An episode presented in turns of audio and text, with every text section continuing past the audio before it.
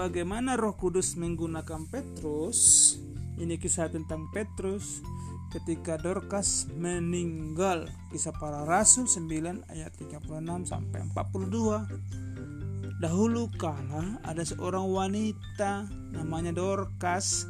Ia seorang Kristen, pengikut Yesus dan dia juga seorang wanita yang sangat baik. Ia sangat murah hati kepada semua orang. Ia suka membantu orang. Kadang-kadang ia membuat pakaian bagi orang-orang miskin. Ia membuat mantel, membuat pakaian-pakaian pesta untuk anak-anak perempuan, dan untuk anak laki-laki. Tapi suatu hari Dorcas sakit. Ia sakit keras. Sahabat-sahabatnya datang mengurusnya. Tapi mereka tidak dapat menyembuhkannya. Setelah berapa lama Dorcas meninggal. Semua orang sangat sedih. Mereka semua sangat mengasihi Dorcas. Mereka mengadakan upacara pemakaman mau dikubur dia. Seorang berkata, barangkali Petrus akan datang ke pemakaman. Petrus berada tidak jauh. Jadi mereka menyuruh orang menjemput Petrus dan Petrus pun datang. Mereka membawa Petrus ke kamar tempat Dorcas terbaring di tempat tidurnya. Semua sahabat Dorcas berdiri berkeliling. Mereka menangis. Mereka menceritakan segala hal tentang Dorcas kepada Petrus.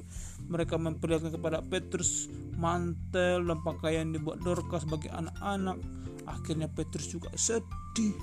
Setelah berapa lama, Petrus menyuruh mereka semua, "Ayo, keluar kalian semua dari kamar ini, keluar." Ketika Petrus tinggal sendirian dengan Dorcas, Petrus berlutut untuk berdoa. Lalu ia memandang Dorcas dan berkata, "Dorcas, bangkitlah." Dorcas membuka matanya. Ia melihat Petrus dan dia pun duduk. Petrus memegang tangannya dan Dorcas berdiri. Dorcas hidup kembali. Lalu Petrus memanggil sahabat-sahabat Dorcas. Mereka masuk ke kamar dan di sana mereka melihat Dorcas berdiri dan hidup. Wah, mereka sangat suka cita. Semua orang di kota itu mendengar cerita yang ajaib itu. Bagaimana Dorcas meninggal, tapi dia hidup kembali. Dan banyak dari mereka yang percaya kepada Yesus. Karena Yesuslah bukan Petrus yang membuat Dorcas hidup kembali, tapi karena Yesus. Siapa yang meninggal? thank you